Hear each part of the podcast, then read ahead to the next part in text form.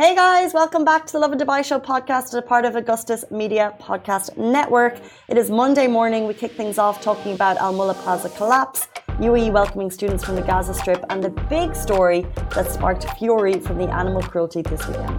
To find out more, and if you've missed our episode, don't forget to subscribe to our podcast and listen to the episode. Good morning, Dubai. Welcome back to the Lovin Dubai show, where we go through the top trending stories that everyone is talking about. Happy Monday. I hope you have a brilliant start to the week. Our top story today the UAE is observing a three day mourning period. As well, the UAE welcomes 33 students from Gaza Strip. We have the latest details on the Al Mulla Plaza collapse. As well, a video of a Snapchatter driving a cat to the desert has sparked fury over animal cruelty. Those are the top stories that we're talking about this morning. But before we get into all of that, a quick shout out to everyone who sent us the most amazing festive, fun videos of the city. This is just one video, uh, Santa Claus festive car in Dubai. But I think, Massa, we have three videos that are going to go live here, right? There's a festive, fun Santa. We've got people Santa driving down Sheikh Zayed Road. And we also have that beautiful camping in UAE desert yes. essence that we love. I mean, honestly, it is time. I think not only me, um, as well for everyone who lives in the UAE, waits for this period of time, which is like it's cold at night, not very cold in the morning, just to go to the desert, do some camping. Uh, as we can see here, honestly, it's the best thing ever. This just speaks, yes. right? So it like kicks off with the car, the petrol, the tire pumping, setting up your camp, and it's actually all ASMR the whole way through. So you just want to watch it, and it gives you that flavor of like this is the part of UAE that people don't see. This is the part that as residents we wait for. Like this weekend. I think you were out. Yeah. I was out. I was golfing, but it's different. But like the weather was just fantastic. And this is literally what we wait for. Because what happens is during um, summer what we we can spend our times at malls you know coffee shops and so on because it's really hot right? So because the weather now is actually amazing you can just like you can just like have you know the, the best of both worlds. So where did you go this weekend? We went to Al Qudra, which is honestly very nice. You know, we had some s'mores and so on. And you had s'mores. Yes. How do you make your s'mores? You actually, it's very easy. You know, you need to just like get like um tree branches, and you know, you just like. You What's know, the first one? The the you know the tree um Marshmallows. No, you get like you know you need to like light up a fire, right? Yeah. So we like, we lit up a fire, uh, fire one, and then we had like marshmallows and sticks. Yeah. You put them and you're just like you while you're sitting and everyone's just like covered up in blankets and and cozy. I would say um, cardigans and socks and boots and all of these things, and you just like have your s'more like chocolate mixing with the marshmallows. I didn't grow up with s'mores, but they're so yes, good. Can I say though, yesterday as soon as the sun went down, I was frozen cold. Yeah. I cannot deal with the weather. Like it's actually, it's nearly to, like we're so lucky. Um, and I was like, where's my jumper? I was not prepared for this, but it's finally cold and it's so fresh. And this weekend, it was so amazing to just feel so festive and to be able to celebrate Christmas because I'm, I'm here for Christmas, so it's so excited. Like, who is doing this, by the way? Who is putting Santa on their Ferrari? People are extra. I mean, honestly, this Christmas uh, or any festive season, you can see that Dubai people are actually extra. When there is winter season, they live it to the max. And when there is summer season, they as well live it to the max. However, you, so as mentioned earlier, you get now the best of both worlds. You can go to the beach during like let's say 1 p.m., 12 a.m., 12 p.m., or even 11 a.m., or even er not too earlier because it does get it's still cold. So you and then towards like the night, you can go to the desert, have a camping session with your friends, and just enjoy, which is the best thing ever. And just the UAE is known for for these camping, I would say, sessions. And I feel like a lot of people are taking holidays in yes. the next week or two. So if you have any tips for spots to go, we are all ears. We're going to jump into our top story of the day. Of course, this was announced on Saturday uh, by many countries in the region who are expressing their condolences. Our top story today is the UAE is observing a three day mourning period. Under the directives of His Highness Sheikh Mohammed from Saturday, the UAE will observe a three day mourning period. And to signify this, flags will be flown at half mast at official departments embassies, and UAE diplomatic missions outside of the country. The news of the death was reported in a statement carried by the Kuwait news agencies, Kuna, with deep grief and regret we mourn to the Kuwait people, to the Kuwaiti people, the Arab and Muslim nations, and the friendly people, demise of His Highness the Emir Sheikh Nawaf Al Ahmad Al Jabir Al Sabah, who passed away today, Saturday. UAE President His Highness Sheikh Mohammed bin Zayed Al Nahyan issued a statement. He said, I extend my sincere condolences to the Kuwaiti government and people over the passing of Sheikh Nawaf Al Mahad Al Jaber Al Sabah. Our heartfelt sympathies are with his family and the entire nation, and we pray that God rests his soul in eternal peace.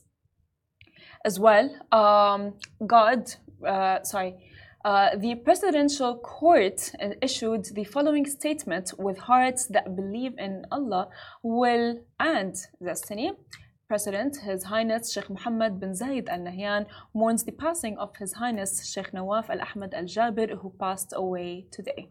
And as we said, this means you'll see uh, to signify the flags will be flown at half mast. Um, specific official departments of the UAE and embassies uh, will observe the three day mourning period. And let's move on to our next yes, story. and in another story, UAE welcomes 33 students from Gaza Strip now as part of the UAE's ongoing support to the Palestinian people in various humanitarian relief, medical, and educational fields in a generous initiative by His Highness Sheikh Mohammed bin Zayed Al Nahyan, President of the UAE, and under the directives of His Highness Sheikh Mansour bin Zayed Al Nahyan, Deputy Prime Minister and Minister of Presidential Affairs. The United Arab Emirates University has welcomed 33 students from Gaza Strip to study at the university's expense. We love to hear this and we hope to hear more of these stories and we thank the UAE for this incredible work.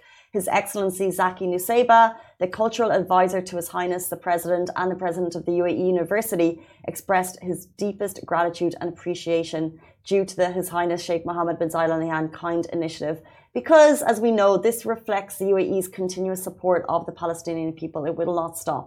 Now, this initiative aims to support the Palestinian people by providing them with educational opportunities. And as we know, education is at the heart of everything that we do. Yes. Uh, let's move into our next story. Some more videos that were going viral over the weekend. We have the latest details on the Al Mulla Plaza collapse. A small section of Al Mulla Plaza collapsed this weekend, causing minor injury, uh, injuries to two. Now, a quick rewind. If you grew up in Dubai, then you probably remember visiting Al Mulla Plaza. It is a shopping center in Al Nahda that evokes a lot of nostalgia. And after decades of standing tall, yesterday a small section of the mall collapsed.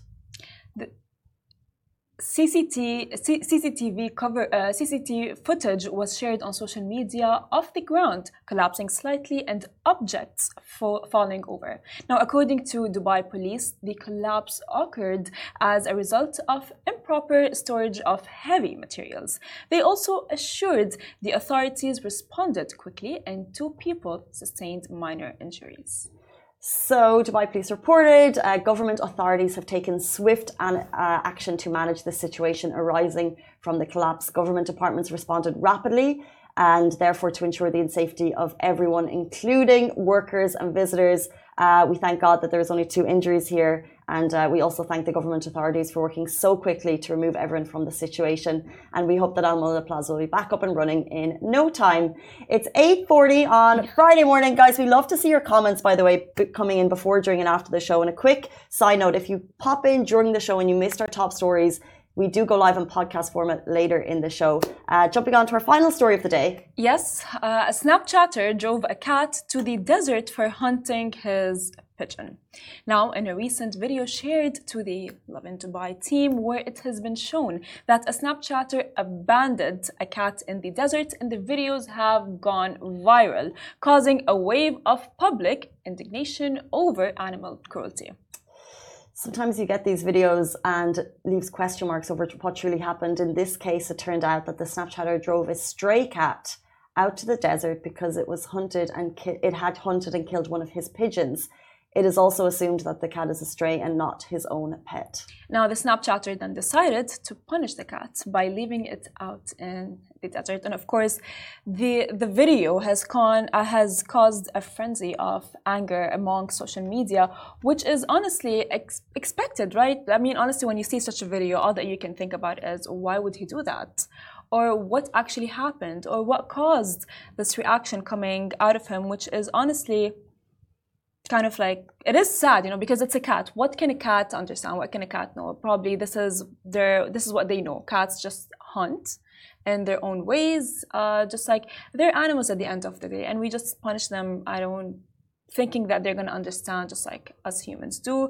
Um, a lot of comments actually have been speculating on Instagram. There are a lot of angry people, but we don't know the full story. For example, um, Farhan said this is cruel. Over the past year, he has rescued eight cats from the desert. Good for you, you know, but as well as mentioned earlier, we don't know what actually happened. You know, the cat, just like in the video, as we can see, it ran and then it ran back to towards the owner, which we don't know if he's the owner. He is not some people think uh, it's speculated that he is it's a it's a stray cat, but in the video there's like a video of him and the of the cat in the car with the owner. I think most people, whenever you uh, see a story like this, your heart just bleeds for the animal because, as you said, like that type of what the cat apparently did is instinctual. That's true. And uh, whenever you talk about, you know, how to train animals, it's never to put them in cages. That's true. It's to treat them as one of your own, be good to them, be kind to them, love them, show them that you're you are going to look after them, and then they look after you. Like it's really kind of like a sweet method that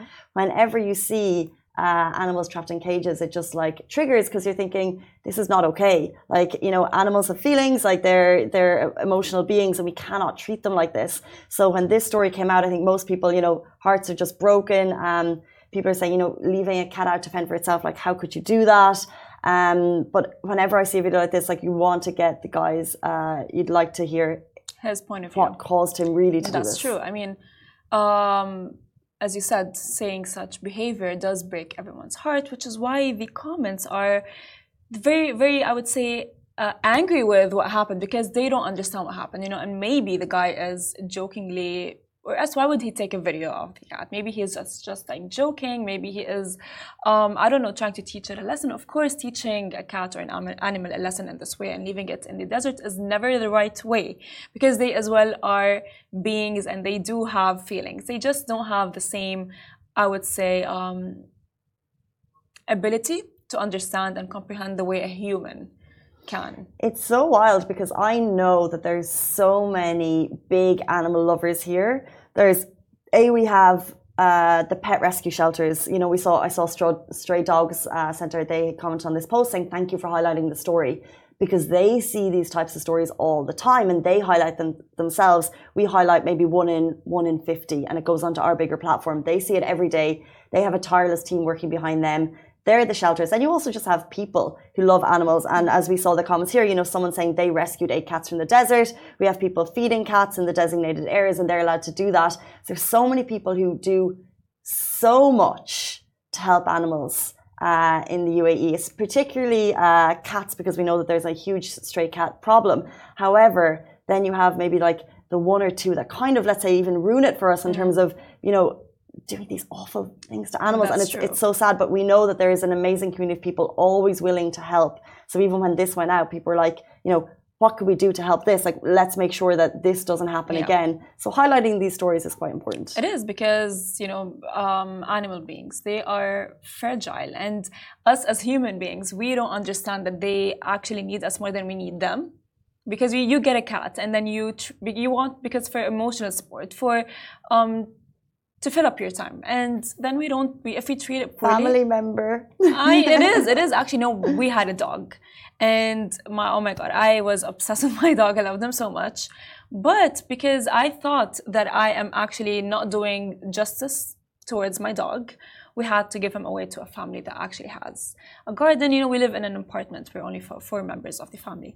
So it was not fair. I'm at work. My sister's at work everyone's at work and leaving the dog so which is very sad and that's how you should treat the animal and even if it's a stray cat uh, or a stray dog you don't need to be very treat them like they're human. They're not human. They actually no, they're part of your family, and I think are. that's an important decision that you take when you decide to rescue an animal. Is that is true. they're part of your family, and then therefore you do anything in your power to make sure that that stays intact.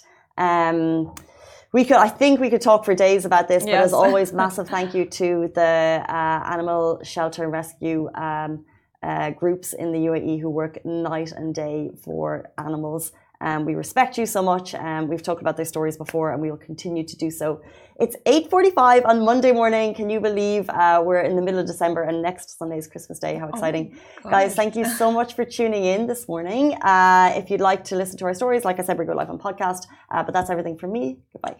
And that's everything from me as well. Bye bye.